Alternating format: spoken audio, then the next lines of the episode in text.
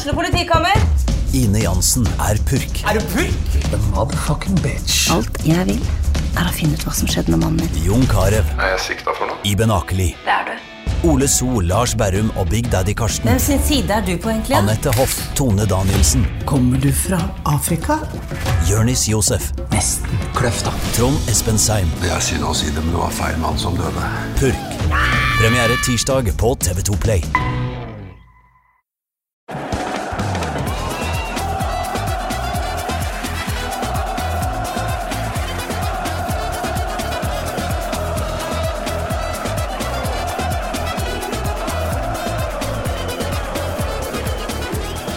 Velkommen til en ny utgave av den mest nerdete fotballpodkasten som fins, Pyro og Pivo. I dag skal vi snakke om noe av det mest nerdete innen fotball, og det er groundhopping, eller banehopping på godt norsk. Vi har med oss to mann som har eh, laget en app til nettopp det formål. En app som bare heter Groundhopper, som jeg antar at hver eneste en av dere der ute allerede har installert på deres smarttelefon. Hvis ikke, gå inn på AppStore eller Google Play, last ned Groundhopper, sjekk den ut litt. Eh, sett denne på pause, og så Nå er du klar til å høre hva gutta bak appen har å si. Eh, Geir Florhaug, velkommen til deg. Tusen takk. Og Lars Erik Bolstad, velkommen til deg òg. Takk, takk. hva slags folk er dere?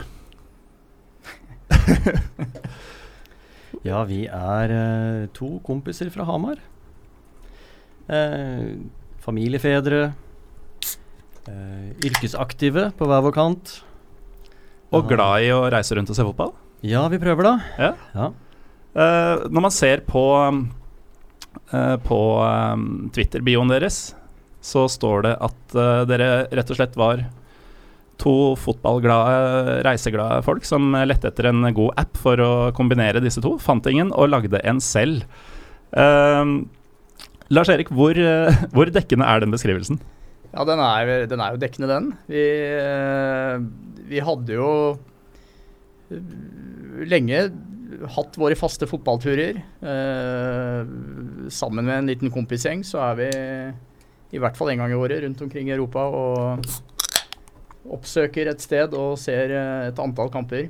Eh, den ideen om en app ja, Det er nesten så jeg ikke husker akkurat, kanskje du gjør det, Geir. Men eh, vi hadde jo Vi kan jo passe på å nevne det, da, at vi lagde en app før denne. uh, som het eh, Rockspots. Hva var det for noe? Den, uh, den gjorde det enkelt å finne rocke... Altså historiske steder som har med rockehistorien å gjøre. For jeg tenkte umiddelbart konserter som foregår nå. Nei, ikke konserter. Dette var jo liksom Vi er jo nerder. Ja, jeg begynner Ja. å få få Barndomshjemmet til uh, Mick Jagger og uh, huset til David Gilmore og den slags. Da. Så vi hadde jo fire versjoner av denne appen. London, New York, San Francisco, LA. Uh, så det var liksom eh, er, eh, I tillegg til fotball så er vi ganske musikkinteresserte. Så det- det Ganske var, interessert. eh, Og det fine med en sånn app var at den trengte jo ikke noen oppdatering. Med mindre noen skulle dødd eller eh. Ja. Eller dingla et spedbarn ut fra en balkong. Ja, eller, ja, så skjedd har skjedd, og mest morsomt er jo Det var jo rockehistorien på 60- og 70-tallet, og litt inn i 80-tallet med punken og sånn, så det Nei, vi koste oss fælt med å lage det.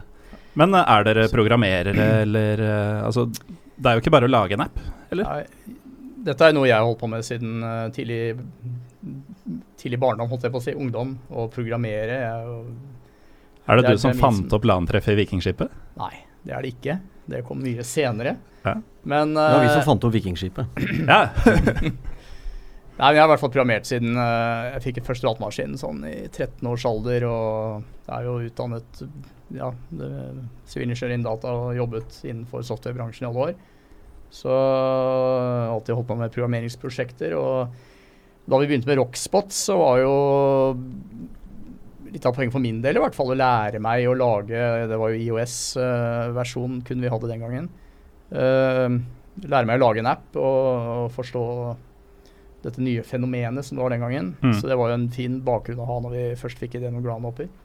Um, Vi hadde jo begge lest uh, musikkhistorie. Jeg leste biografien til Jim Morrison og fulgte han opp og ned i, i Beverly Hills og Hollywood eh, der, mens uh, Lars-Erik akkurat hadde lest en guide om London. Og så møttes vi, og så visste at vi hadde begge lest dette her, og han sa ja, dette kunne vi laget en app om, og så mm. sa jeg ja, det kunne vi. Altså dere møttes Ja, eller vi kjente hverandre, ja. men det var en, det var en, en Champions League uh, Ja, det var et eller annet vi, vi, satt og snakket om, og ja. jeg hadde akkurat vært i London og, og, vært innom Hedden Street, hvor de tok bilde til coveret til Siggy Stardust. uh, så det var liksom en sånn ja, skjønner, alle vet jo som har reist med en bok at det er litt håpløst å drive og bla i den boka hele tiden for å finne ut hvor man er. Og hvor ja, og frakte den med seg mens ja, man går. Og, og med mobilteknologi så plutselig så er det jo nye muligheter. Så det var da han sa det kunne vi, og jeg sa ja, det kunne vi, og da han sa Og det er der det vanligvis stopper, men det er der han sa ja, men det kan vi. Ja. Uh, det var starten. For det er fordi Lars-Erik, du er tydeligvis uh, teknikeren i, i, forholdet. Hva er det du bringer til bordet, Geir? Uh, jeg sitter og puncher. Ja. ja. Uh, jeg sitter og puncher, det er mye innhold som skal inn. Mm. Uh, etter hvert uh, ganske mange mailer og henvendelser som skal besvares. Så det, er, det blir litt sånn markedsføring og PR-biten og, og, og, masse innhold. Det gjør vi begge to. Det er mm. all vår ledige stund går med på å legge til og svare og korrigere. Vi skal selvfølgelig snakke mer om, uh, om appen og, og, groundhopping i det hele tatt uh, utover, men uh, vi må jo fortsette litt med dere to. og Du nevnte Lars Erik, at dere drar på jevnlige fotballturer sammen. Er det, mm. er det nye steder, eller er det mye Ja, altså det, Dette begynte vel med England, selvfølgelig. Vi er jo vokst opp på 70-tallet og har våre nostalgiske grunner til å stadig oppsøke Manchester og den slags. Mm. Um, jeg innbiller meg at minst en av dere må være Leeds-fan. Jeg var det frem til ja, sju års alder. Men uh, vi er United-fans begge to, ja. ja. ja. vi eh, samarbeider bra selv om han var Leeds-supporter til sju års alder. Ja, du fikk rista han uh, ut av det, og så ordna han seg. Nei, men det er, det er, et eller annet med Holdt på å si, dere er jo noen få år eldre enn meg. Um, og, og, er man fra Hedmark og si pluss-minus 40, så er sjansen stor for å være Leeds-fan, har jeg inntrykk av. Det er i hvert fall min erfaring. Um, men uansett, det starta med England, og så Ja, nei, og så begynte vi å variere litt da, etter å ha vært en del ganger i Manchester og London, selvfølgelig. Um, så Spania, Italia, Tyskland. Mm. Ja, er det noen andre steder vi har vært egentlig på disse turene? Det er vel uh, der vi har uh, Ja, vi reiser jo, vi reiser jo med den, ja, denne guttegjengen, uh, den kompisgjengen. De, de, er jo også glad i mat, da. Det viser seg egentlig er det matvrak, hele gjengen, som blir med på en fotballkamp. Mm. mens vi gjerne kliner til litt mer, da. Så vi reiser gjerne inn i englandståka, vi, og tråkker rundt, mm. reiser toger og finner rare kamper. Og god stemning. Ja. Og dette har jo blitt fryktelig enkelt for oss andre nå, men uh, før uh, dere tok tak, uh, hvordan, hvordan fant dere matchene dere skulle gå på? Nå høres det ut som det er en svunnen tid, hvis vi sier 2010 f.eks. Ja, nei, vi plukka bare fra toppen, vi. Mm. vi. vi. har jo vært i Milano et par ganger og sett Derby der. Og vi har vært på Camp Nou og sett El Clásico. Altså, vi mm. plukker liksom Vi plukka ja. det aller øverste. Ja. og hadde egentlig ingen interesse for hva som foregikk nedenfor der. Det har ikke noe å fortelle om hjemme. Nei. Men uh, da ideen kom om å samle dette her et sted, for å klare å huske hvor vi hadde vært når, så, så begynte vi å grave lavere, lavere ned i divisjonssystemet. Og, og, egentlig fattet interesse for uh, Vi ble litt sånn rett og slett uh, fanget av Eller ja, stukket av vår egen kniv, eller hva man skal si. og dette, dette også begynte vel kanskje i England, eller? Interessen for det litt lenger nede? Ja, det kan du vel egentlig kanskje si. Det, det Uten at du har rett i det? Mm. Ja, nei, ja, det vet vi, vi jo ikke. Hva? Vet vi det? Nei, jeg vet ikke. Jeg husker ikke. Men, uh, men uh, vi har jo i hvert fall Igjen med, med, med, med engelsk fotball inn med, med morsmelka, ikke sant? så mm. har vi jo sett et forhold til lag nedover. Det er jo, det er jo interessant å gå og se Tranmere Rovers, ikke sant. Og så er det sånn alle lag i league one eller league two har jo vært på tippekupongen ja, en gang i vår levetid. Vi har sett dem på TV en gang på mm. 70-tallet. Det er ikke helt det samme i Spania og Italia. Nei. Selv om det kan være vel så bra fotball, da. men, uh, men uh, Nei, nå er vi jo blitt Skal vi si at vi har blitt mer ukritiske i hva vi oppsøker. Vi var jo en ja. tur i Bilbao her nå i når var det? I mars. Ja. Da så vi jo seks kamper på en helg. Den er, det er god, uh, god høst. Bra utbytte, ja, det, på en helg i Bilbao. Hva annet skal han gjøre i Spania? Nei, Nei ikke sant? Det var et Guggenheim-museum, men det hadde vi aldri ja, men Det kjørte vi jo forbi. Ja, vi kjørte forbi. ja, det. Ja. Uh, jeg var i Bilbao selv i, i, januar. Jeg fikk bare med meg én kamp. Men uh, en ting som var helt sikkert, var at Guggenheim det, det så man på veien fra mm. flyplassen inn til sentrum. Ja, vi så det. Vi. Da var det gjort. Yes, det kan vi krysse av på. Det er en egen app. Men jeg antar at Atletic Klubb var ett av lagene dere så? Ja, det var den kjedeligste kampen. det var dritkjedelig da jeg var der òg. Hvem var det mot? Veldig flott stadion. Da. Mot Leganes. Ja. ja. Da fikk dere kanskje et glimt av Nordin Amrabat på bortelaget. Han er jo um, i vinden om dagen som uh, Jonas Giæver og Petter Wælands uh, største hakkekylling. Og mm. et av Marokkos største håp til uh, det kommende ja. mesterskapet. Men ja, det må vi ha gjort, da. Det, det, er ikke liksom det man skal ta med seg fra en La Liga. Husker bare han høye grekeren med skjegg. Ja, det fins noen av dem òg. men hva annet fins det å se i Bilbao-området? Av fotball også? Ja, altså vi, ja. Ja, ja, vi, tog, vi, vi, toget Vi busset uh, til Eibar, som er en mm. bitte liten by nedi en uh, kløft, men som jo da tilfeldigvis har uh, toppserielag. Ja. Ikke et rent dårlighet heller. Nei, det er vel så å si best i Baskeland. Ja, og den stadion der, den var jo Det var noen rulletrapper oppover i dalføret der, opp mm. til trygt innimellom noen sånne boligblokker, og der, der satt vi på en måte side om side med hele stjernegalleriet til Real Madrid. Ja vel. De besøkte den stadion der på størrelse med ja, vårt kjære Briskeby. Ja, ja det er faktisk mye mindre enn Briskeby i ja. kapasitet. Ja, ja for, men det må jo ha vært en skikkelig Altså Det må ha vært mye kulere enn uh, ja, en San Det var det store høydepunktet på den turen der. Å se Real Madrid på den lille stadion. De, de, var jo liksom to meter unna. Ja, en stadion så liten at, uh, at hjemmefansen sto over uh, nettet på målet til Real Madrid. Så det, det, de ikke hadde i stadionstørrelse, tok de jo igjen i intimitet, da. Ja, ja. Som jeg tror var en ganske, ganske greit virkemiddel. Mm. Det så i hvert fall sånn ut. Mm. Real Madrid fikk jo ikke til noe. Nei, hvordan gikk vant de, da. De vant, de vant 2-1, da. Men, uh, men, de fikk ikke til noe. Nei. tre poeng er ikke tre poeng hvis det er Real Madrid. Uh, men uh, det er jo sånne ting som altså, Da antar jeg at dere brukte deres egen app for å finne ut av hvor dere skulle gå. For det, ja. Uh, men uh, groundhopping-fenomenet, altså, hva legger dere i det? Hva er groundhopping? Ja, altså det er jo et uh, Det er jo ikke vi som Altså det, det er jo et etablert å si, fenomen med, med, opprinnelse fra England i sin tid. Og vi ser jo ganske stor utbredelse i særlig Tyskland, da, som går på å samle på stadioner. Mm. besøker flest mulig fotballstadioner rett og slett. Og inntil nylig skrive det opp i et Excel-ark. Ja. ja. ja. det slipper man jo nå. Det trenger man ikke lenger. Nei. Uh, nei, for det, det finnes jo mange, mm. mange raringer der ute, må jo være lov å si. Uh, dere har sikkert stifta bekjentskap med noen etter at dere dukka opp på sosiale medier og sånn. Ja, da. Men uh, det finnes jo så mange definisjoner av groundhopping. Det er jo så mye regler og sånn, ifølge ja. noen. hvor mye legger dere i den delen av det? Det overlater vi til brukerne våre. Mm. De kan diskutere. Vi har et verktøy som de kan bruke etter eget forgodtbefinnende. Og hvis noen tilhører en gruppe groundhoppere med sitt uh, regelverk, så får de forholde seg til det. Mm. Så dette, er, dette, handler om å ha vært på stadion og sett kamp, ferdig med det? Ja, og vi har ikke, vi, det vi får stadig henvendelser fra brukere som gjerne vil eh, legge til en stadiontur eller en konsert, eller at de har kjørt forbi eller tatt et bilde mm. av den. Eh, de har ikke vi åpna for, og det kommer vi ikke til å åpne for. Dette handler om fotballkamper. Mm. Ja, altså det er jo skal vi si, basisen i den appen vi har laget, at uh, alt dreier seg om å registrere en kamp du har vært på. Mm. Uh, det går selvfølgelig an å enkelt komme seg rundt det ved å, ved å legge inn uh, egne klubber i anførselstegn og registrere besøk på andre vis. Mm. Men, men alle disse reglene som fins om at du skal ha sett min, minimum 75 minutter, eller uh, det må være en offisiell kamp osv. Du skal ha handla i kiosken, du ja, må ha fått med deg program. Det, er, uh, det, blir jo for det første uinteressant og, og, og umulig selvfølgelig å, å, kode inn i en app. Mm. Så, så, det blir vi oss ingenting om. Nei, i hvert fall ikke i offisiell kapasitet, men for deres egen del. Ja, for egen del når regner du på en måte inn i din uh, din liste over uh, kampopplevelser. Hva må til for at Nei, den skal for telle? Min, for min del uh, så må det være at jeg har vært på en fotballkamp. Og det må ha vært en uh, Ja.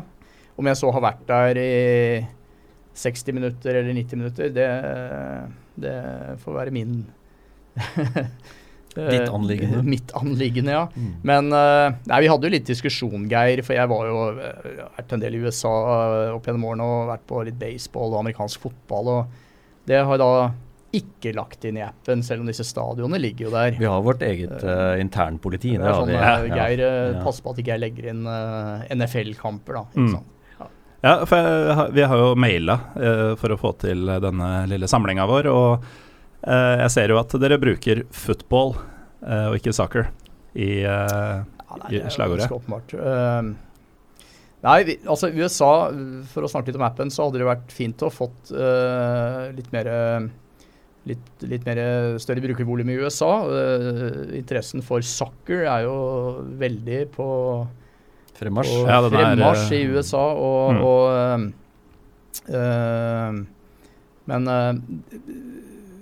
men, men, de forstår jo godt der borte også at football er noe annet enn det de mm.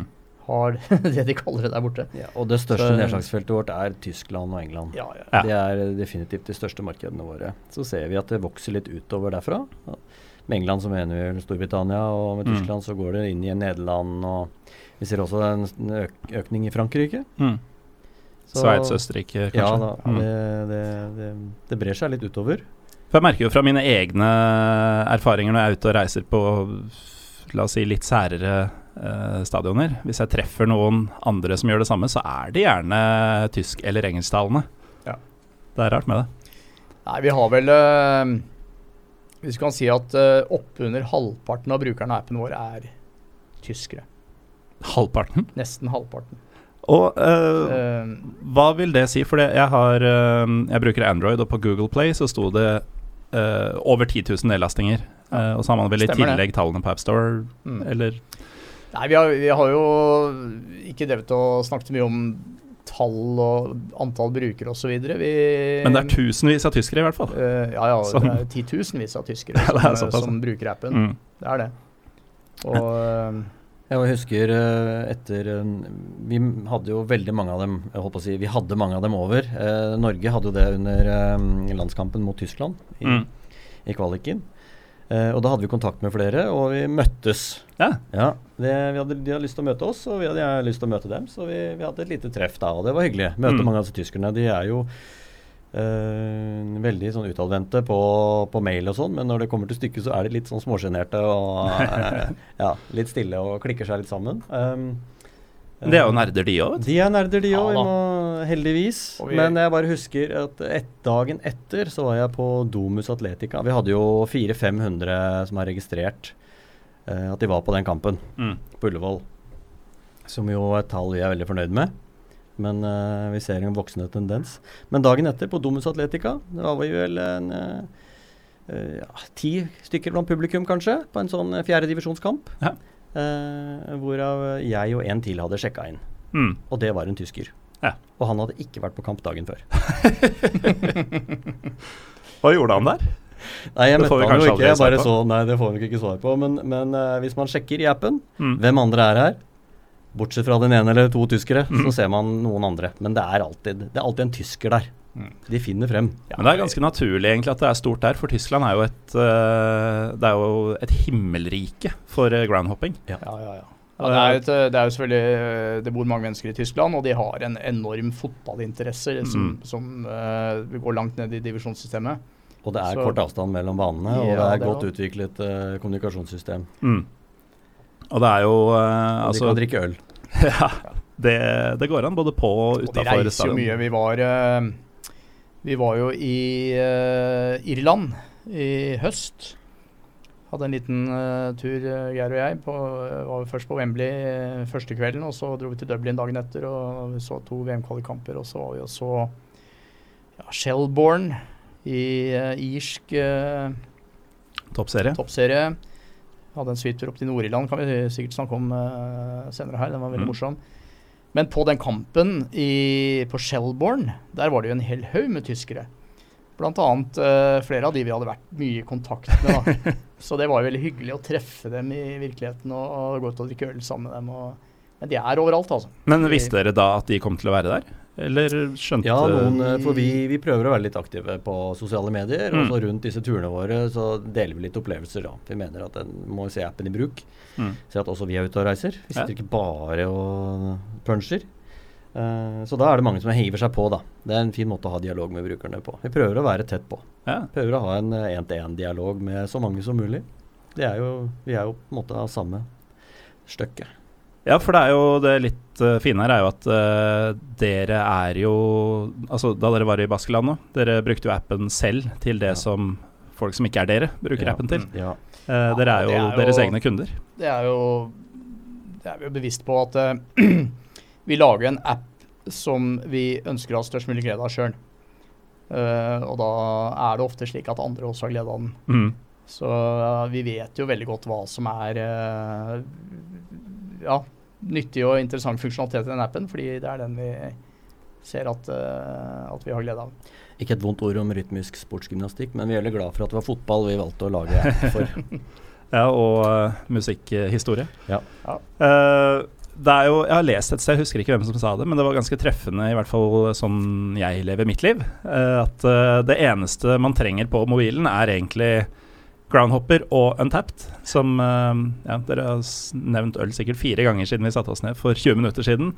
Dere vet kanskje hva det er? Um, ja, ja. Vi er ivrig brukere av Untapped. Ikke sant? Og, Untapped styrer vårt liv. Fantastisk uh, fin app, det også.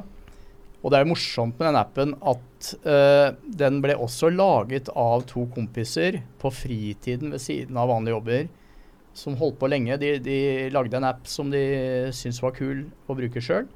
Og uten å ha noen ja, klar idé om, å, de, om de kunne tjene penger på det. Um, så den, uh, den, den, har vi jo sett veldig til, egentlig. Mm. Uh, det er jo en del skal vi si, lignende funksjonalitet vi har lagt inn, med dette med å sjekke inn på kamper, ja. få badges. Uh, Nei, men den tap der, den er kul, altså. Ja, Men det går litt hånd i hånd. Ja, det, er, det det. Og, jeg vet ikke om du trenger noen andre apper, egentlig. Nei, er, uh... Kanskje Google Maps for å finne stadionene ja, som du har lokalisert. vi har Google Maps integrert i Groundhopper-appen. Altså, det var en periode vi ble også sammenligna med Pokémon Go, men det blir vi ikke lenger. Kanskje vi har slått Pokémon Go. Det var et veldig forbigående fenomen. Mm. Ja, det er nok fordi folk har glemt Pokémon Go. Ja. Uh, men uh, vi, har, vi, har, vært litt innom det. Men hva Altså, Dere møttes over noen øl og fant ut ja, dette kan vi gjøre. Men uh, hva var motivasjonen? Hva, hvordan kom dere inn på det? Jeg husker jo hvor det starta. Etter, etter Rockspots så lette vi etter et annet lite prosjekt vi kunne leke med. Og mm. vi snakka om For vi, vi, likte å gå litt i Vi hadde noen sånne fjellturer. Vi var litt sånn fjellets menn en gang i tiden. Uh, og vi snakka om å lage en app hvor man kunne registrere alle 2000 meter toppene man hadde vært på. Ja, det gjorde vi faktisk. Det, det gjorde vi, og det føles i ettertid som at vi gjorde et, et, et uh, bærekraftig valg. Ja.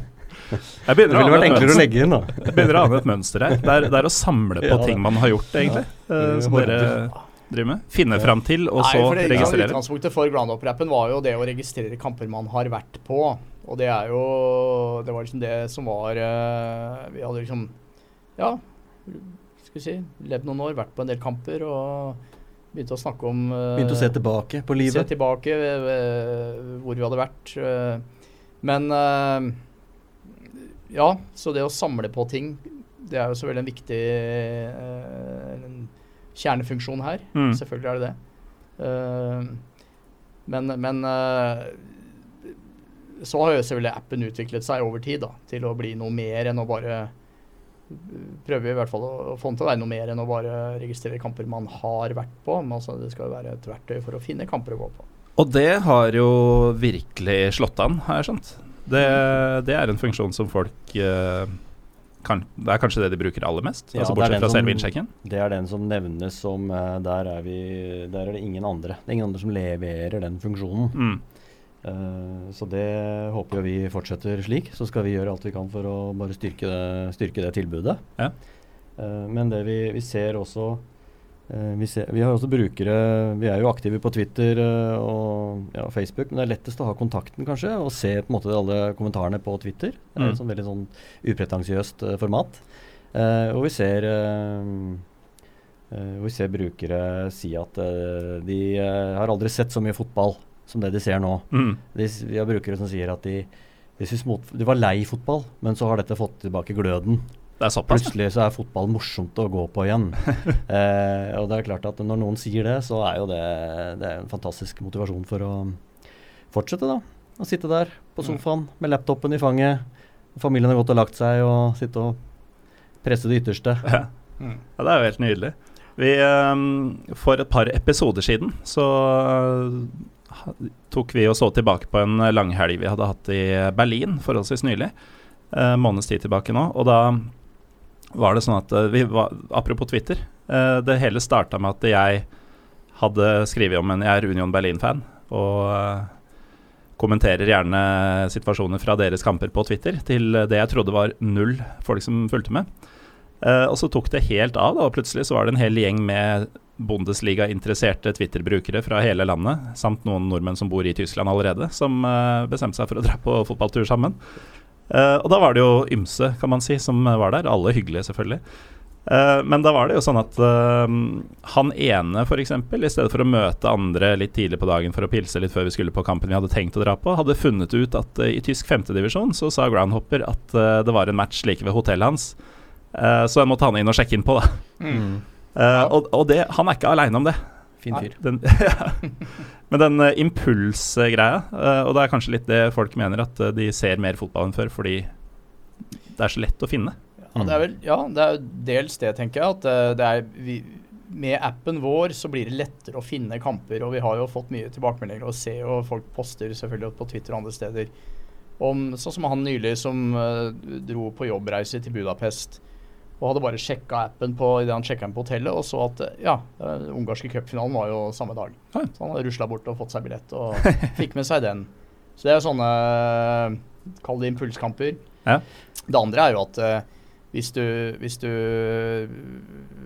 La oss si blir litt hekta på, på det her, og, og, det er jo dette gamification-elementet. At, uh, mm. at uh, du får lyst til å komplettere denne ligaen. Du får lyst på denne badgen ved å gå på denne gå på den kampen, ikke sant. Uh, så det er en sånn liten ekstra motivasjon for å, for å, dra på kamp. da. Og kanskje et tredje poeng er at dette sammenfaller litt med tiden vi lever i, hvor det er mye penger og man opplever Vi snakka jo om Bilbao, og de største kampene er kanskje de med dårligst stemning. Mm. Det bare har kosta innmari mye penger. Uh, at det er mange som gjenopplever eller gjenoppfrisker kjærligheten til fotball gjennom å, å finne andre kamper på et lavere nivå. Da, mm. Hvor engasjementet er et helt annet.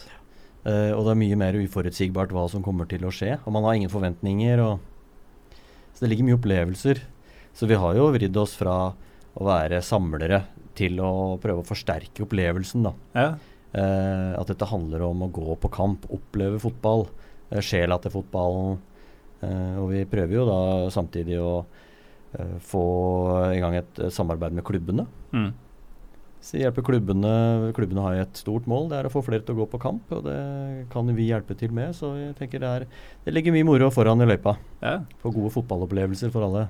Men uh, apropos det du nevner om uh, å si, finne sjela i fotball og finne det, det, kanskje hva skal vi si, ekte uh, engasjement og lidenskap. Uh, hvor viktig er det for uh, dere når dere er og ser fotball? Fordi uh, når vi snakker om Bilbao, det var første gang jeg var og så La Liga. Jeg hadde en del fordommer mot det. Jeg er veldig opptatt av tribunekultur. Og hadde fått for meg at spanjoler er musestille på stadion. det var ingenting på San Mames som gjorde noe for å rokke ved det inntrykket, for å si det sånn.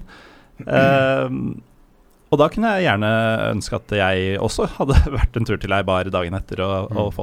Fått liksom en, Nei, vi, et litt annet inntrykk. Men vår, vår eh, opplevelse i Bilbao var jo Altså, det, vi hadde jo lest at dette skulle være en uh, litt sånn uovertruffen atmosfære i fotball-Europa. De har jo et rykte om at det skal være det, det, det har tydeligvis mye med motstandere å gjøre. da. Mm. Når vi så Atletic mot uh, Leganes, så var det dødt på tribunene, altså. Ja, jeg så dem faktisk mot Eibar, eh, sånn apropos, når, ja, når vi er inne på dem. Ja. Men, uh, og da var det til og med da var det Da var det også stille. Stille, sier du det.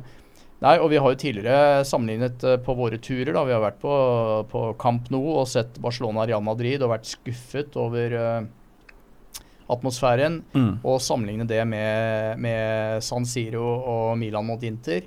I storhetstiden? I, ja, ja. En av de.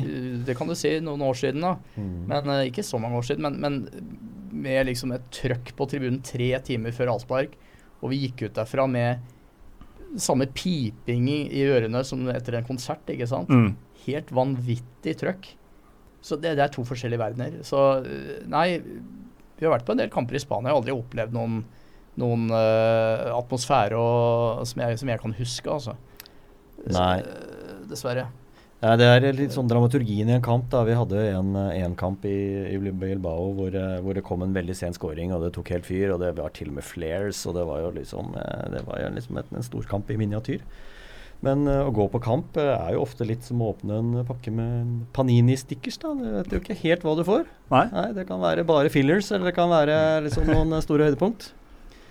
Men uh, det er jo litt av sjarmen nå, da. Apropos um, da jeg sjekka inn på Sama Mes i januar, så fikk jeg beskjed av appen om at jeg nå hadde sett fotball i 20 land. Det var ikke jeg klar over før, uh, før Groundhopper fortalte meg det, så, så takk for det. Nå, nå teller jeg land også, som jeg har sett fotball i, ikke bare stadioner. det kommer til å styre valget ditt fremover. ja, men det gjør jo det. Ja, det jo, aldri mer Spania. Ja, det er jo det som er så nylig.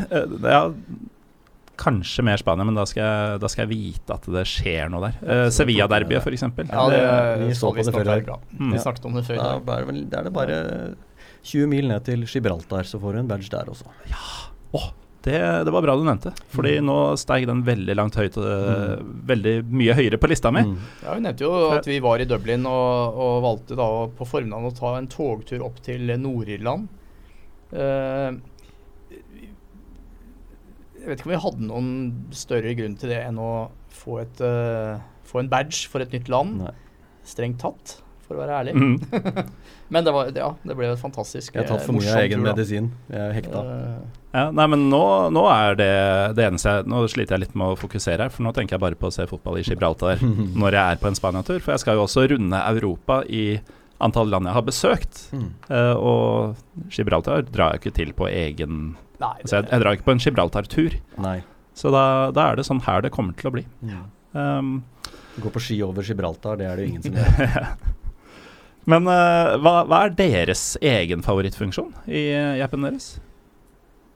Ja, jeg syns jo for min del det er jo nettopp å se kamper i nærheten, jeg, da. Mm. Uh, det er jo det. Og jeg sjekker jo stadig den sjøl også. og nå er det selvfølgelig, som Geir nevnte, vi, har, vi, er familiefedre og vi har jobber, og det er ikke alltid det passer å dra av gårde på en kamp, men eh, noen ganger gjør det det. Og da er det jo veldig kjekt å bare sjekke om det er noe. Mm. Vi bruker den jo på to måter. Det ene er eh, Og i dag eh, var det lite planer, kanskje vi skal få med oss en kamp i området. Mm.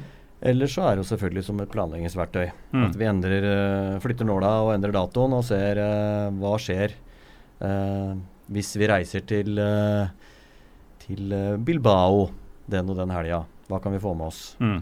Uh, så det, det, mener vi er uh, ja, er, Vi opplever jo brukere som ikke helt kjenner til den funksjonen også. Så det må vi bare sånn, tydeliggjøre her og nå, at man kan bruke det som planleggingsverktøy. Ja, det kan jeg skrive under på, for, for det har revolusjonert måten jeg planlegger fotballreiser på. Nå, kjære lyttere, uh, kommer Marius Helgå han fra Catalonia-episoden og kanskje Groundhopper-rappens største fan i Norge inn døra. I fagforeninga T-skjorte. Han får faktisk en klem av Geir nå, og et håndtrykk fra Lars Erik, men det er det bare bordet som mm. Bordet sin skyld. Uh, skal du ha noe å drikke, Marius? Nei, det har medbrakt. Han har medbrakt. da er alt i orden. Uh, det er begrensa hva jeg kan uh, kommunisere til tekniker Kim, som lurte på om den nye gjesten trengte drikke, uten å si noe. Men vi Vi er ikke mer proffe enn at vi kan avbryte og utskeie litt. Velkommen, Marius. Takk, takk. kom gjerne litt nærmere mikrofonen. Ja. heisen står, og det Ja da, det var skal vi vente litt med å innlemme deg? Nei da, det går bra, tror jeg. Dagen, dagens trim opp trappen.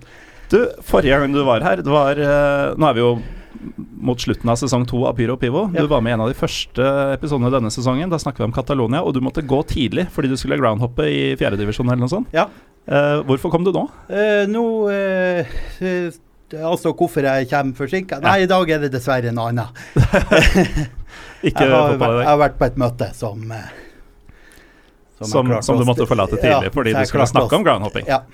Uh, nå sitter vi akkurat faktisk og snakker om uh, hva den beste funksjonen i Groundhopper-appen er. Ja. Og hvem bedre enn uh, superbruker Helgå til, til, å uttale seg om det? jeg har hele tida vært en veldig stor fan av den funksjonen som er kamper i nærheten. Ja, den, den går igjen rundt bordet her. Ja. og det var, det var, det jeg var i ferd med å si før, før du entra banen var at uh, måten jeg planlegger mine fotballreiser på, er jo helt annerledes nå. Jeg husker jeg knota med så mye, spesielt hvis det var et land hvor uh, fotballforbundet var litt sparsommelig med info, så er du jo inne på sånn tredjepartssider, Soccerway og sånn, og prøver å finne ut av ting, og så stemmer ikke tidspunktet, eller så sto det i uh, lokal tidssone altså det, det, var så mye jobb. Og så måtte du jo selvfølgelig, samtidig som du så på lista, måtte du kanskje google hvert lag for hvilken by er dem i, hvor langt unna er det osv. Det trenger man ikke lenger. Nei. Nei.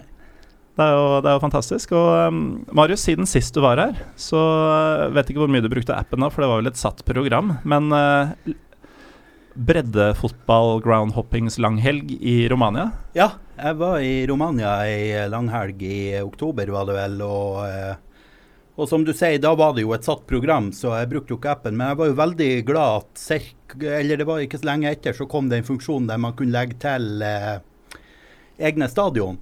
For det var jo ikke alle de stadionene vi besøkte da som lå inne i appen fra før. Og det var jo da tolv briter og meg som mhm. enslig nordmann sammen med tre lokale fra eh, eh Bukovina nord i Romania som var på eh, runde. Så når man uh, groundhopper på femte nivå i uh, litt sånn avsidesliggende område i Romania, så er det ikke alle stadioner som automatisk ligger inne. Dette er ramsalt kritikk, gutter. Ja, nei, vi får ta det til oss. nei, så lenge Vi legger ned. At, det, at, den funksjonen kom der man kunne legge inn egne, det var virkelig gull. Det, nå begynner jo jeg å ha fylt opp både tredje- og fjerdedivisjon her i Oslo-området.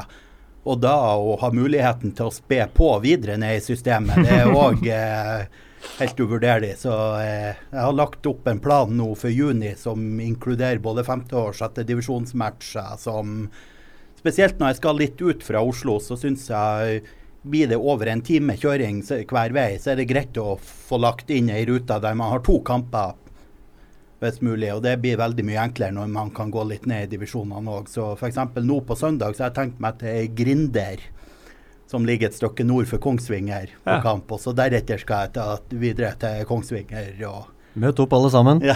ja. ja vil dere treffe Marius Helgå, eh, så er det sterkt anbefalt å møte opp på en av de kampene. For da får dere både sett fotball, sjekka inn i appen og møtt uh, en av de mer originale gjestene vi har hatt i studio her. Uh, Marius, vi andre har snakka litt om det uten at vi var spesielt strenge på kriteriene. Men uh, hva legger du i groundhopping? Når, når, har du vært og sett en fotballkamp på et stadion? Jeg tenker at i utgangspunktet ser man hele kampen. Mm. Det, jeg hadde lenge ei dårlig samvittighet med en kamp på eh, banen til Grei. Og det skyldtes at det lå inne i appen feil tidspunkt. Den, men det var en sånn kamp som var flytta en time i siste liten. Så, eh, så når jeg kom dit, så kom jeg i pausen. Men jeg sjekka inn likevel. Mm. Men nå har jeg vært og sett en hel kamp der. Nå har jeg ikke dårlig samvittighet lenger. Men det, det hender vi opplever det samme selv også. Ja. Mm. Det, men det er jo forståelig at når kamper flyttes, det er umulig å ha full, full kontroll på alt. Men uh, altså, nå, nå bør vi oss litt vekk fra appen, uh, hvis dere kan tilgi det for et øyeblikk. Men uh, det er jo en Facebook-gruppe og en Instagram-side og en Twitter-konto, men først og fremst en Facebook-gruppe som heter The Chicken Baltic Chronicles. som jo handler utelukkende om dette, hvor, hvor folk fra hele verden deler bilder og diverse. Og da er det veldig sånn de legger ut uh, hvor mange som var der, uh, hvilket nivå det var. Uh, og så er det gjerne sånn her Inngangspris er jo greit, det er fint å ta med. Men det er veldig mange som f.eks. skal ha med prisen på vafler. Uh, at det må med. Du skal ha kjøpt uh, en vaffel f.eks. Ja. hvis du er og besøker fjerdedivisjon. Ja. Har du noen sånne ting, sånne ritualer som du Nei, jeg, jeg, bruker veldig ofte å kjøpe noe. Nå når det er varmt, så det blir gjerne en is med det samme jeg kommer til stadionet. Varm kjøretur til en eller annen plass. Da er det deilig å få seg en is hvis det er kiosk på stadion. Skal du eh, forresten på årets uh, rumenske breddefotball groundhopping? Nei, det passa dessverre ikke opp mm. mot jobb. Jeg fikk ikke til å uh, reise, men jeg håper å komme meg dit igjen. Det var virkelig en opplevelse. Jeg håper å komme meg dit selv, og da kunne jo i så fall innsjekkinga fra Romania gått varm i noen dager. Ja. Eh, som den vel gjorde fra Tyskland eh, for en måneds tid siden. Jeg husker eh, en lytter, Christian Holum, som eh, også bruker appen. Han skrev jo på Twitter plutselig eh, da vi var på Kjemi Nei, hva var det? Hertha Berlin 2 mot Kjemi Leipzig en fredagskveld i mai. Uh, hvor han uh, bare blåste ut på Twitter Er alle i Berlin nå, eller? Det bare renner inn med notifications. og det var jo ikke et lite fnugg av misunnelse i den uh, tweeten. en sånn fra Romania hadde vært god PR. Det var vel første gangen jeg virkelig utnytta den. Det var faktisk i Berlin jeg, mm. høsten 2016, tror jeg. For da eh, var jeg bare og besøkte ei venninne som bodde den høsten, og fant ut nå uh, må jeg se litt fotball mens jeg er her. Jeg hadde allerede plotta inn Herta Hamburg. Uh, men det var jo flere dager, så da havna jeg på Victoria Berlin mot Optik Ratenau i regionliga. Og siden vi snakker om Berlin, så bør vi jo nevne at vi har jo en Altså nå har vi jo Vi har vel runda 700 ulike ligaer og ulike cupturneringer og turneringer i appen da, som vi har terminlister og kamper lignende for, men det er jo alltid nivåer under som vi ikke har. Uh, Tyskland, som nevnt tidligere, nesten halvparten av brukerne våre er jo i Tyskland.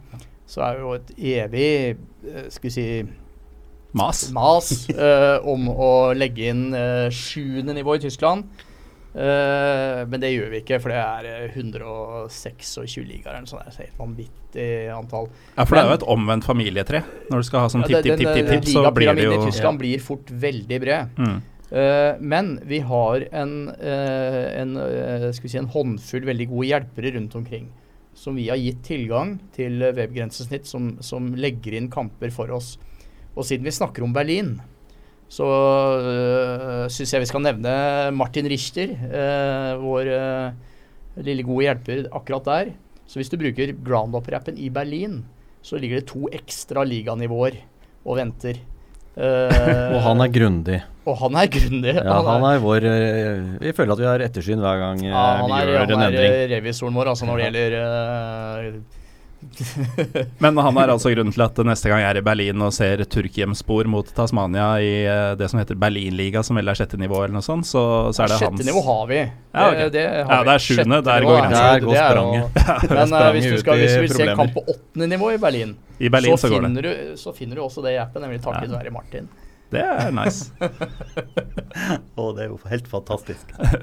Men eh, det er jo et par ting, eh, apropos hvor dere har eh, brorparten av brukerne. Det er et par ting man merker, da. At det fins rom for, for vekst. Og det er jo annet at si ja. Number one groundhopper på stadionet til Fenerbahçe Jeg har riktignok vært der mange ganger, men det er meg. Nei, sier du det? Ja. Gratulerer. ja, Nei, Tyrkia er et land som vi Nei, altså det, det, det, er jo, det, er jo, selvfølgelig veldig morsomt å se nå hvor uh, Uh, altså utbredelsen vi har i Tyskland og England som de hoved skal vi si, markedene våre. Vi har jo i og seg mange i Skandinavia, Nederland, Frankrike, som vi har snakket om. Mm. Brasil begynner å få en del uh, brukere. Ja. Uh, men det er masse store skal vi si, folkerike fotballnasjoner hvor ikke vi har noen brukere å snakke om i det hele tatt. Mm. Tyrkia er jo selvfølgelig et av de. Hvorfor? Jeg vet ikke. Kanskje vi trenger å oversette appen til tyrkisk. Mm, det uh, ja, det er ikke hvis noen umulig, hører på og vil hjelpe til med det, så Det er ikke umulig at det er der det skorter, for det er det ikke det være. mest engelskspråklige landet i verden. Men så har jo heller ikke vi brukt uh, Vi har ikke brukt noen penger på å markedsføre appen egentlig noensinne. Vi, vi har ikke funnet noen uh, Ingen steder? Effekt, nei. Det har vi egentlig ikke gjort. Så dette er bare noe tyskere og engelskmenn De har rett og slett søkt på Groundhopper. Det, altså. det var en lokal Bayern München fanklubb som lurte på om vi ville annonsere med en helside i deres A5 uh, jubileumsmagasin. Ah, ja. Et opplag på 200. Festskrift. Festskrift. Så vi annonserte da med en helside i deres festskrift. Dere gjorde det? Uh, så det er nok derfor vi har så mange brukere i Tyskland. som reklamemann så kan jeg ikke miste trua på reklame. Nei. Men uh, hvor, hvor, spesifikt uh, får dere vite uh, hvor folk er fra? Altså merke, Kunne dere merke at akkurat i München-området så kom det tillit i kjølvannet der, eller det, blir det for marginalt? og for sært. Tenk på effekten av den reklamen ja. der. Nei, den så vi ikke noen effekt av. Vi ser, vi ser, jo land. Vi ser nye brukere. Ja. Så vi oversikt over daglig nye brukere og hvilket land de ja. har, har, registrert seg i appen, da. Mm. Som stort sett er landet de bor i. Uh, men uh, apropos den uh, number one groundhopper-greia, den har vi jo ikke snakka så mye om. Men den er det jo Altså, er man først der, så vil man tviholde på den. Apropos den Berlin-turen. en som heter Lars Skau, som, som, var med på den turen, han er jo number one på Intility Arena.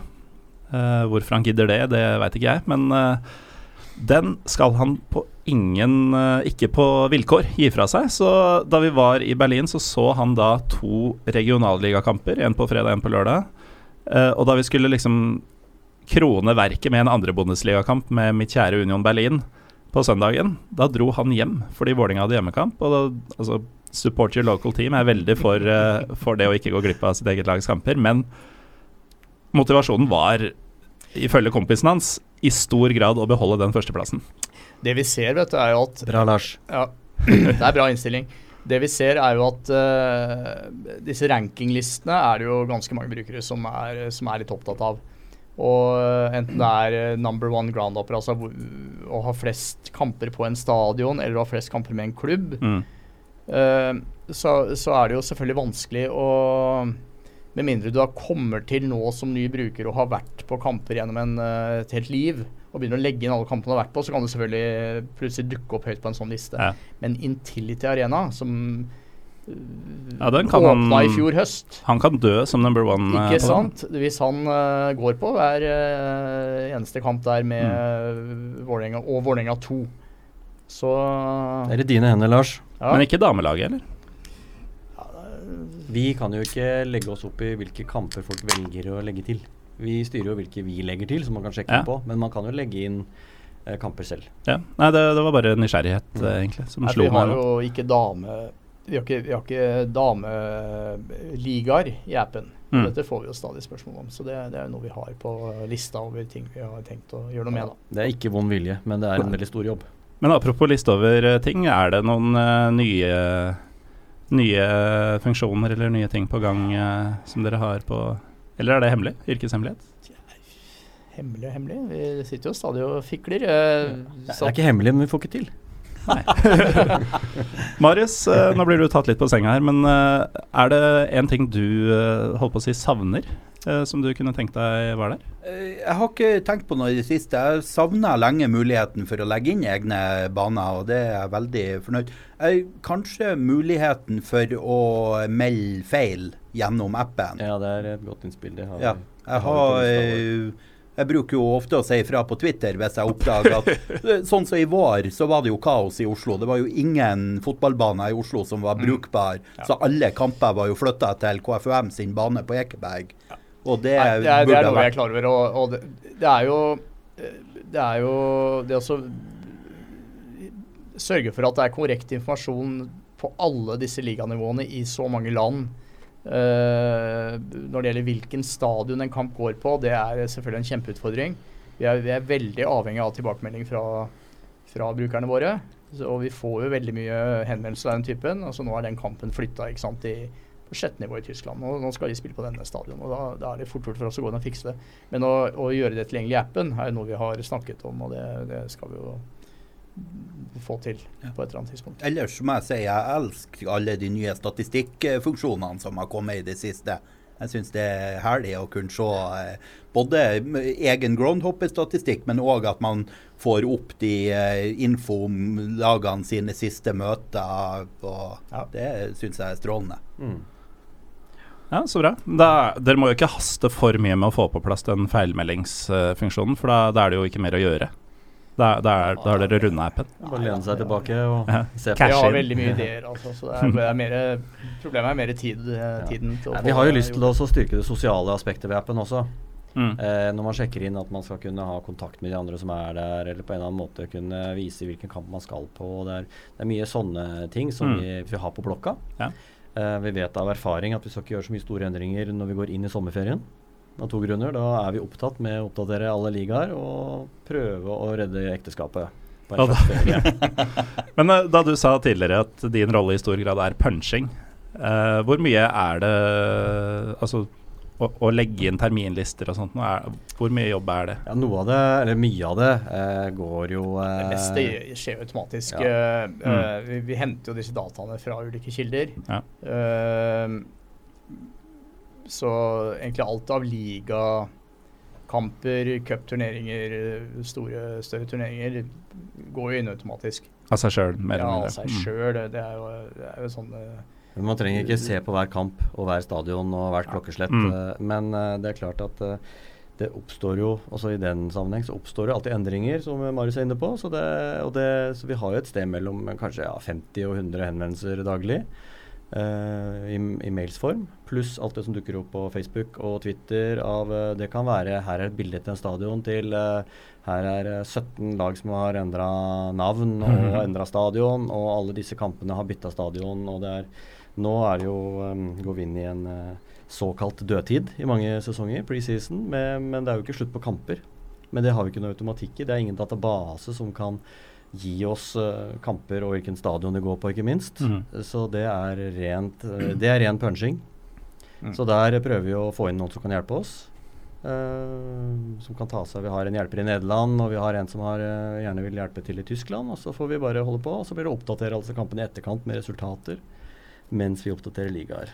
Og Da snakker vi om vennskap, altså preseason-kamper pre i sommerferien. Ja. Og det er det mange av. Altså. Ja. Ja. Mm. Men vi ser jo det som en mulighet til å skape ytterligere engasjement blant uh, fansen. Mm. Uh, blant supporterklubben og, at, uh, og prøve å formidle da Det betyr ikke bare at, det ligger, at terminlista også ligger her, men at det ligger muligheter til å finne igjen disse stadionene du kanskje aldri har vært på. da For det er jo sånne muligheter i appen også. Mm. Directions. Apropos det, jeg har ifølge Groundhopper, og jeg stoler jo blindt på den, uh, vært nå på to stadioner i utlandet som nå er revet. Det betyr at uh, har du ikke vært på Jules Otten stadion i Gent, som jeg har, så kommer du heller aldri til å få muligheten.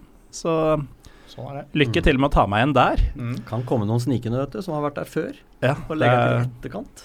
Men uh, har de ikke vært der, så, så er det for seint. Ja. Uh, men nå, vi har jo hatt, vært litt innom det, vi har jo spredt litt fram og tilbake, uh, vi tre, før Marius kom. Men uh, det jeg gleder meg mest til, var jo egne groundhopper-historier. Og folk man har møtt, ting man har sett osv. Uh, dere har jo tydeligvis møtt på tyskere, hvor enn dere har gått. men er det noe fra, gjerne fra før appen uh, dukka opp, når dere har vært og sett fotball for å se fotball? Er det noe dere husker spesielt godt uh, av ja, om det er mennesker eller kamper eller stadioner eller Jeg har et uh, gammelt minne mm. uh, fra jeg var i Liverpool. Ja. og jeg var alene i Liverpool fordi jeg, skulle, jeg var på en jobb, og de andre de skulle komme dagen etter. Så jeg sosa litt rundt og tok ferja over denne ferja over denne elva, hva den nå heter. Jeg er, ja. fra, jeg er fra Manchester, jeg. Uh, for å dra ned til Camel Laird Rovers. Det var en spasertur jeg tok i finværet. Uh, en bitte liten stadion. Og jeg gikk rundt der og koste meg og så på var det kanskje sjuende nivå-kamp. Og jeg tok, gjør som jeg alltid pleier å gjøre, tar bilder og sånt nå. Uh, og um, For å understreke hvor, hvor liten den der bana og det, det forholdet var, så var, endte jo Jeg har et bilde av treneren til hjemmelaget som står irritert og snur seg og ser på meg idet jeg tar bilder. Mm -hmm. Det forstyrra han i kampledelsen. da begynner det å bli lavt nivå. og så prøvde jeg å gå Jeg prøvde å gå ti minutter før det var slutt. Men da ble jeg stoppa i døra av en vakt som uh, sa at jeg ikke måtte gå. Uh, og lurte på om, om jeg ville ha en pin. Okay. Så han forsvant, og jeg måtte se kampen ferdig. Han kom tilbake med en pin. Og da spurte han uh, Eller jeg spurte han om det er sånn at det, om det kommer mange groundhoppere hit. Ja, sa han. Kommer mange groundhoppere hit. Jeg har to fra Nederland her i fjor. det, det, håper vi at vi har endra på nå, da. At jeg kanskje har fått noen tyskere. Mm. Har, dere, har, du vært inne og sjekka akkurat det stadionet, om det er mye tyskere der? Eh? Nei, det har jeg ikke, faktisk. Nei? Det skal jeg gjøre når jeg kommer hjem. Ja, Det hadde jo vært litt sånn romantisk å, mm. å gjøre. Mm. Så foreldre eh, reddes i sommer. Jeg ble også invitert inn på klubbhuset etterpå, hvor mm. eh, jeg fikk en pint og en pose med, med regelboka for Evostik League. Ja, det kan jo hende at man får, hvis ja, man reiser på Evo Stickling-kamper. Det er Bibelen, det nå. Mm. Uh, Marius, nå er jeg spent. Uh, ja. Når du uh, hopper i grounds, som man sier på norsk, hva, Uh, hva, hva, er det du uh, husker best fra dine mange år i gamet? Nei, jeg, jeg syns jo alltid det er spennende med folkene som er rundt banen. Mm. Det er Jeg syns det er litt fascinerende å se at det er de samme typene man finner overalt. Ja. Er, han er gjerne der han som var stjernespiss på det laget som nesten røkka opp i 72 og har sort seg i glansen av det, sier han. og eh, så har du et par-tre gubber som sitter bakerst i et hjørne på tribunen og har vært på alle kampene i krigen. og Aldri vært fornøyd? Alt var bedre før, og det hadde alltid vært. Uh, så har du litt sånn mødre til de yngste spillerne, kjærestene til de eldste, som er der litt sånn av plikt. og Jeg var på en kamp ute i, um, ute i Aurskog-Høland uh, og så uh, cupkvalik. Aurskog-Høland mot Grei var det vel faktisk. Aurskog-Høland møtte LSK runden etter fordi mm. de vant den kampen. Og da satt jeg framfor et par sånne gubber som eh, litt ut i andre omgang så var de ferdige å diskutere hvem foreldrene til spillerne var. Da var de gått over til å diskutere hvem besteforeldrene til spillerne var. Det, uh, og, og, en kamp jeg var oppe på Romerike med et uh, Jeg skal anonymisere dem. Det var et andrelag uh, som uh, hadde med seg Og da er det jo ofte andrelagene i breddefotballen. Da er det gjerne veldig unge spillere. Så da var det en solid flokk mødre med. Og da kan dere jo tenke dere reaksjonene i den mødreflokken hver gang en av gullguttene ble eh, takla. Mm. Da eh, fikk eh, synderen høre det fra eh, mødrene. På sånn eh, mødre skal forsvare sønnen? Ja, ja, ja. Det var eh, så det er ikke 'hei, du rører ikke han', men mer sånn Ja, det ligger unna Ligger unna gullgutta. Ja. Noe av det samme på Hamar for et par uker siden. var så Domkirkeodden. Mm. Jeg vet at du også var ja. på og så de. Det har jeg lest ja. i A-magasinet. Eh, hvor jeg også sto bak denne mødreflokken. Og mm. da var det mer sånn at eh, når noen av gullguttene gjorde noe, så var det sånn Å, er det, er det, det sønnen din? Nei, sønnen min er han eh, der.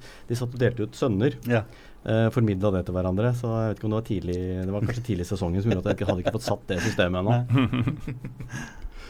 um, men uh, du har vært litt uh, ute av landet også, Marius. typene som du snakker om. Ja.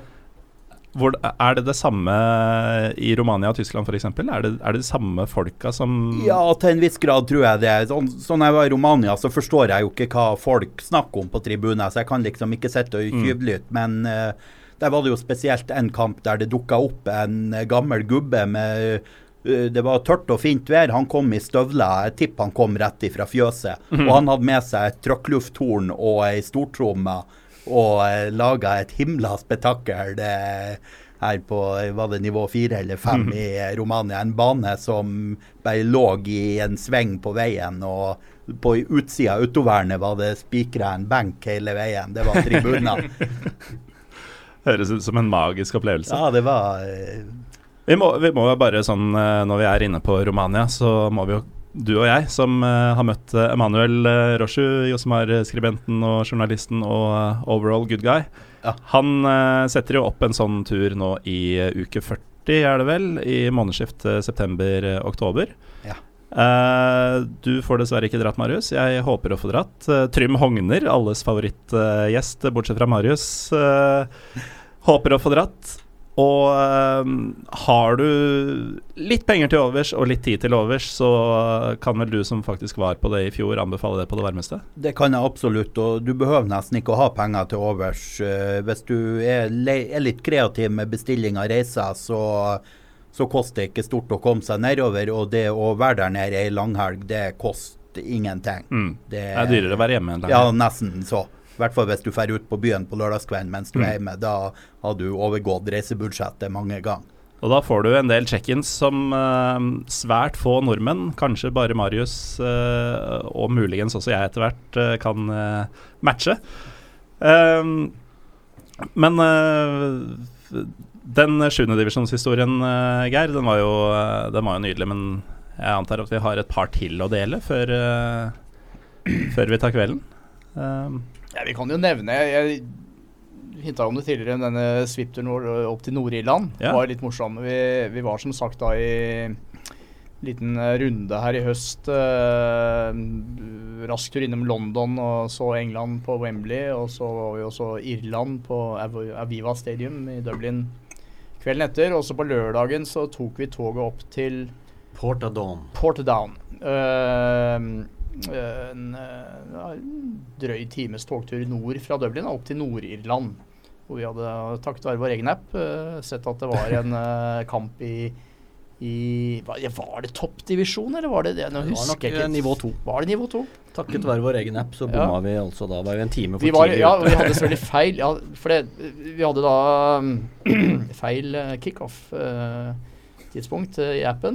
Så vi ankom en time for tidlig på stadion. Det, det var jo ikke store forhold der, så vi, vi, bestemte oss for å rusle litt rundt og se om vi fant en pub da, eh, for å ta en øl eh, mens vi ventet. Og det var jo ikke noe sånt som vi kunne finne, men vi traff på en dame og spurte henne. og Uh, Jo da, det var en pub inne på stadion, og det var jo litt sånn sliten stadion, men inn bak et gjerde og bak et litt sånn murbygg og inn på en ja, en, en, en sånn medlem som members only. Ja, et, vi gikk inn i et skur. Ja, det var, skur ja, det var bare lagerplass. Uh, Men uh, vi kom inn der og ble mottatt uh, på en veldig, veldig hyggelig måte. De, de hørte vi var fra Norge og ønsket oss velkommen og fikk hver vår øl. Og dette var jo tilfeldigvis samme dag som Norge skulle spille mot Nord-Irland, eller samme helg i hvert fall på Ullevål i en eller annen treningskamp. Så mm. de, de, kunne ikke skjønne hva vi gjorde der. Men uh, vi kom i snakk med flere i baren der og, og forklarte jo at uh, vi lager denne appen, og, og at det var grunnen til at vi dratt dit. Og det syntes de var uhyre interessant. Så han ene dro jo opp mobiltelefonen og ringte for å få tak i en annen fyr som måtte komme da og treffe oss. Uh, og, vi måtte treffe han. Ja, og vi måtte treffe han. Og dette mm. var da den lokale journalisten. Patrick Van Dort. Du husker navnet. Dere må møte Patrick Van, Van Dort. Det var han tause i enden av bardisken som hadde hørt på hele samtalen, som bare sa mm. det. Dere må møte Patrick Van Dort. Patrick Van Dort. Så de drev og ringte rundt da for å få tak i Patrick Van Dort. Uh, Fikk du tak i Patrick Van? Ja, han, skulle løse, han skulle løse alt for oss. Det kom, det, det kom en annen fyr uh, som uh, hadde da fått i oppdrag å vise oss rundt. Så vi ble tatt med på en sånn ordentlig omvisning inn på stadion, uh, inn, i, inn, i, garderoben og inn på det var sånn VIP-rom der hvor de hadde sånn uh, ja, De hadde et veldig sånn fint sverd hengende på veggen som var en gave fra Viking fotballklubb som de hadde spilt mot i Uefa-cupen den gangen Roy Hodgson var uh, trener for Viking. Så han hadde jo masse historier, han fyren, om, om dette besøket Ray, fra Roy Hodgson. og de kan vi ikke ta her. Hmm? Nei, de kan vi ikke ta nei, her. Nei, vi kan slenge på sånn eksplisitt-merking. Ja. Eh, og, og, turen de hadde hatt til Stavanger og båttur opp Lysefjorden, og det var ikke måte på. Eh, og så var vi inne i garderoben og fikk hilse på disse tre spillerne som var skadet og ikke kunne spille. Fikk tatt noen bilder der. Og så var det rundt omkring i supportershoppen, som var en ganske sånn liten uh, affære. Ja, det var en container med dør. Ja, container. Mm. Ja. Men så endelig, da, etter å ha hatt en svær runde der, så fikk vi møte selveste Patrick Van Dort. Som viste seg å være da journalist. Men det var jo litt morsomt, da. Han, øh, han øh, var ikke bare uh, Han skrev ikke bare for den lokalavisa i Portugal, han skrev for Belfast, Belfast uh, Times, tror jeg det heter. Og en sånn derre Facebook-gruppe for nordirsk fotball. Så han hadde jo ganske stort nedslagsfelt, eh, herr Patrick Van Dort. Så det ble et litt sånn videointervju med han da. og uh, I det hele tatt. De var veldig stolte. De, de var veldig De var veldig uh, Altså, De syntes det var veldig morsomt at vi kom dit ens ærend for å se dette laget som slet litt uh, i andre nivå i Nord-Irland veldig stolte av stadion sin. Vi fikk uh, alle detaljer om utbyggingsplaner, og de hadde jo hatt uh, eh, EM for U19 for jenter tidligere, som uh, var liksom det store det største som hadde skjedd i Portadown siden det viste at Jeg leste på Wikipedia at Portadown var jo der hvor de, liksom, de største slagene sto under liksom der, protestanter mot katolikker i Nord-Irland. Men, mm. men sånn fotballmessig så var Så var det så, Jenter 19. Så var Jenter 19. Mm. Men uh,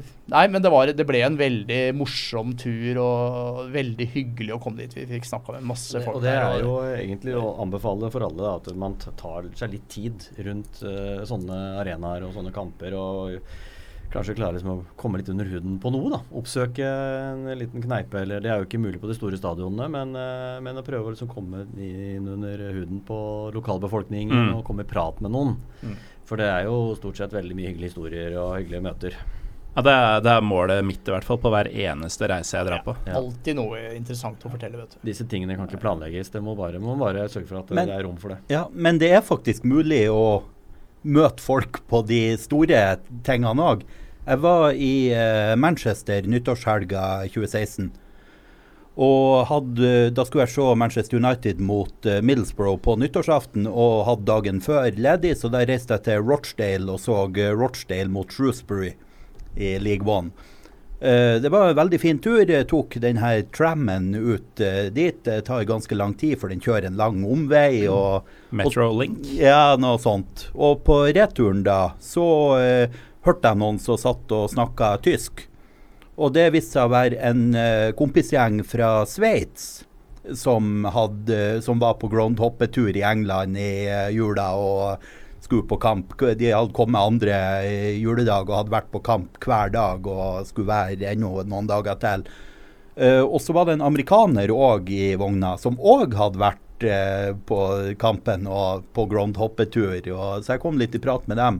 Og så dagen etter, når jeg var på Old Trafford og skulle der og går og vandrer rundt utfor der, hvem møter jeg på Old Trafford da? Jo, han amerikaneren. Det var jo bare x antall 10 000 mennesker der, og jo da, vi møtes. Så Apropos Old Trafford, så opplevde jeg å bli innelåst på Old Trafford eh, en anledning. Mm, jeg og min kone hadde vært der og sett uh, United mot Chelsea. I en av de utallige 1-1-kampene. Mm. Uh, og brukte nok litt lang tid uh, etter kampen på å stå og se på Ranieri sitt avskjedsintervju på TV og oppsummere, få alt, uh, alt inn før vi gikk, gå ut. Og så gikk vi ned. Da var, ingen, var ikke en sjel igjen. Og det var låste porter. Mm. Så det var ingen som brydde seg om oss. Vi måtte Nei. gå opp igjen og måtte begynne å lete etter en vei ut.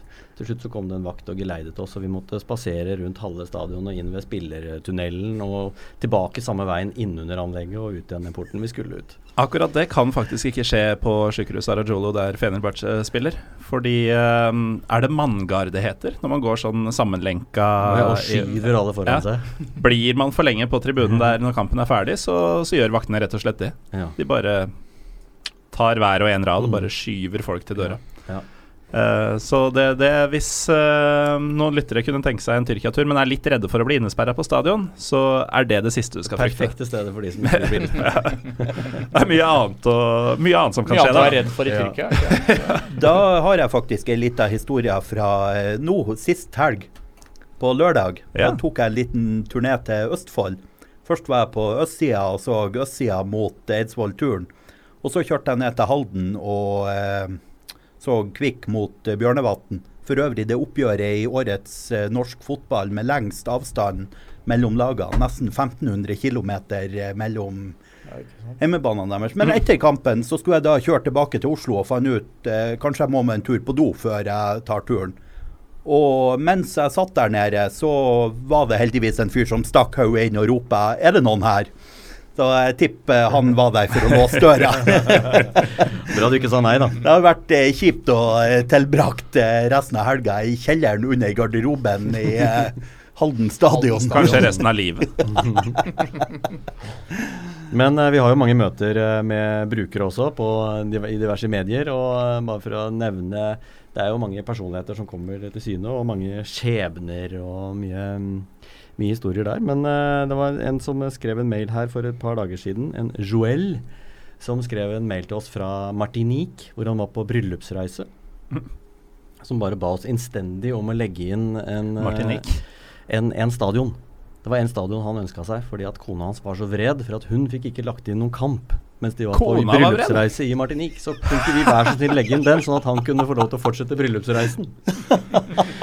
Og det gjorde vi, og Joel eh, sa at eh, romantikken var tilbake på sporet. Ja.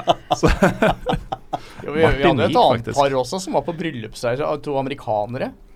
som var på bryllupsreise i Europa og på groundhopping.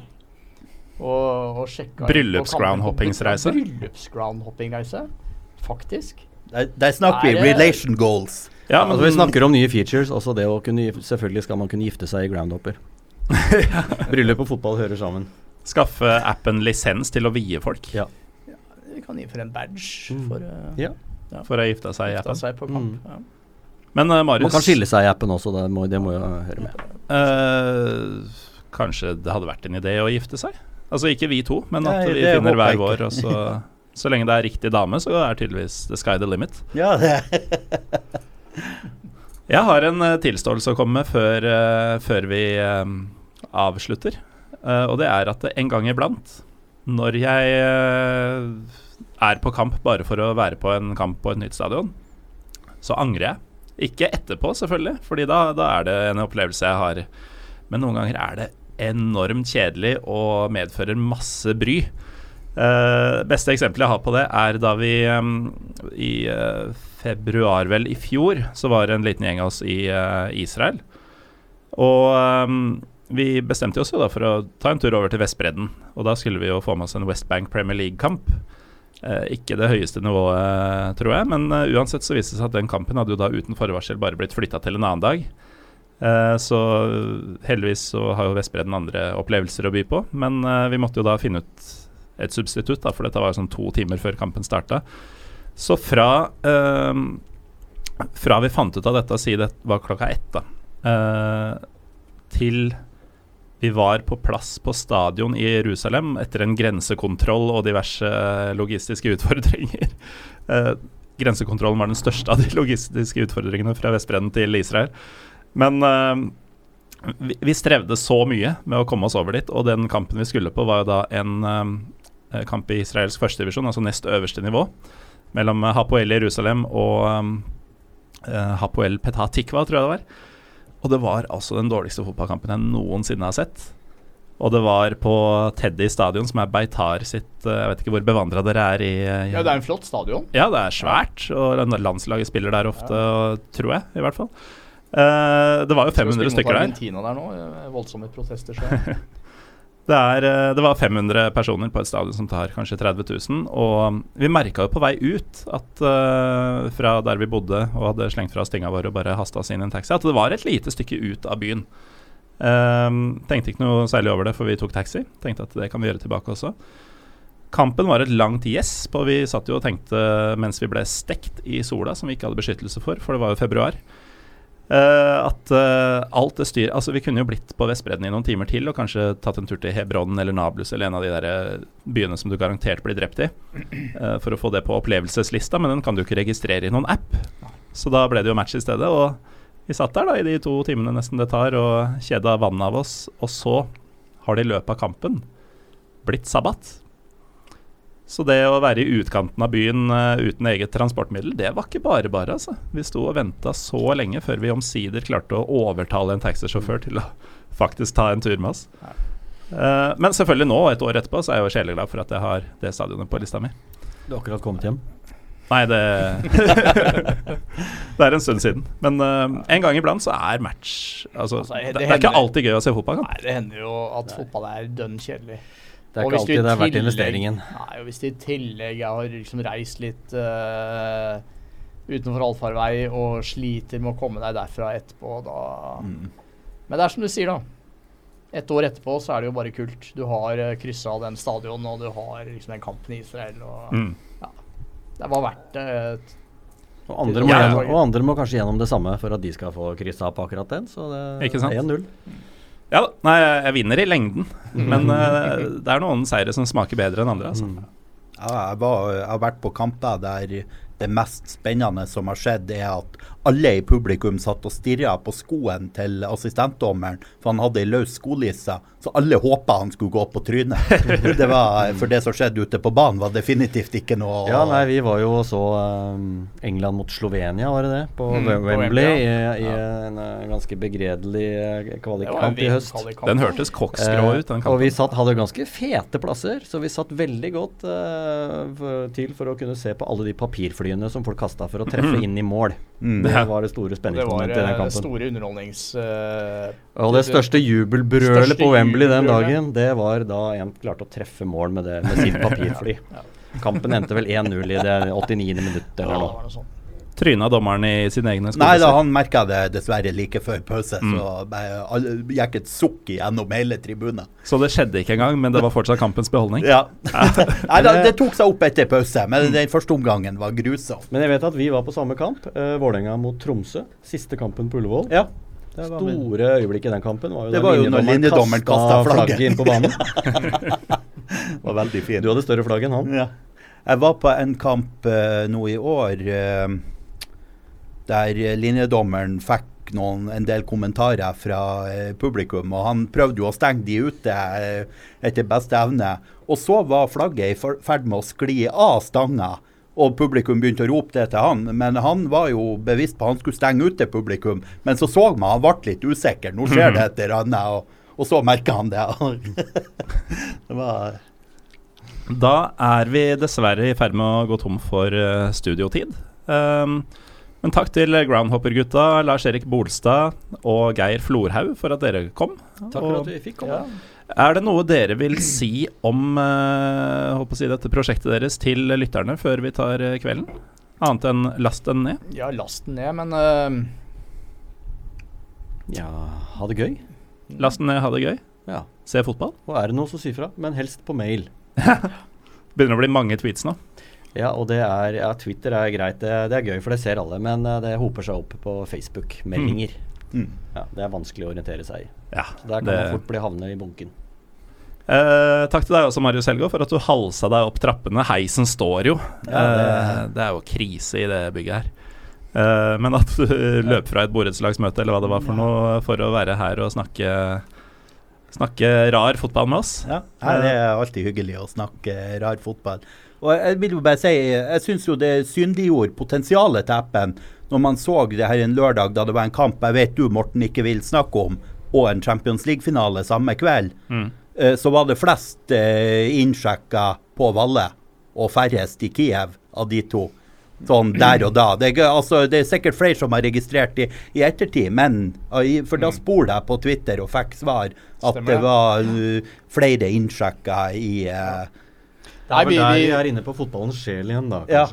Mm. ja. og så er det vi, vi, holder veldig oversikt over dette med å sjekke inn. Altså hvor mange er det som sjekker inn på kamper. Uh, det var litt overraskende få som sjekket inn i Kiev. Men da kanskje litt med uh, nettdekning å gjøre? Ja, det er alle mulige potensielle forklaringer på det, selvfølgelig. Uh, og vi har jo sett tidligere Champions League-finaler med langt flere, og Europaligafinalen i år med, med sikkert det femdobbelte av det vi så i mm. Kiev. Mm. Så ja, kanskje noe med det, det er vel Rome like home, tror jeg, i stor grad. Hva? Det er vel fort det at du kan uh, bruke dataen din? Uh, ja, altså Ukraina er kanskje ikke del av uh, nei. EU, nei. Uh, nei, jeg husker da jeg var i Ukraina, i hvert fall. Så uh, Og dyrt å sjekke inn? Det ville vært dyrt å sjekke ja. inn. Uh, heldigvis ble min kamp avlyst pga. Av borgerkrig, så jeg slapp å forholde meg til det. Men det, det, får være mitt lodd i livet. Jeg må dra tilbake til Ukraina for å se fotball, en offisiell, vel å merke, fotballkamp. da er det egentlig bare å takke for følget til alle tre. Takk for dere som hører på. Takk til dere som hører på, for at dere hører på. Uh, følg oss gjerne på uh, Facebook. Der heter vi Pyropivo. På Instagram og Twitter heter vi PyroPivoPod. Uh, jeg har ikke mer å si, jeg, så vi bare avslutter. Takk for i dag.